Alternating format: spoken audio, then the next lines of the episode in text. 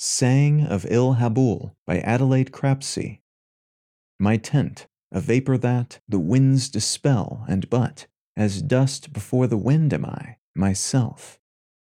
Saying of Il Haboul by Adelaide Crapsey.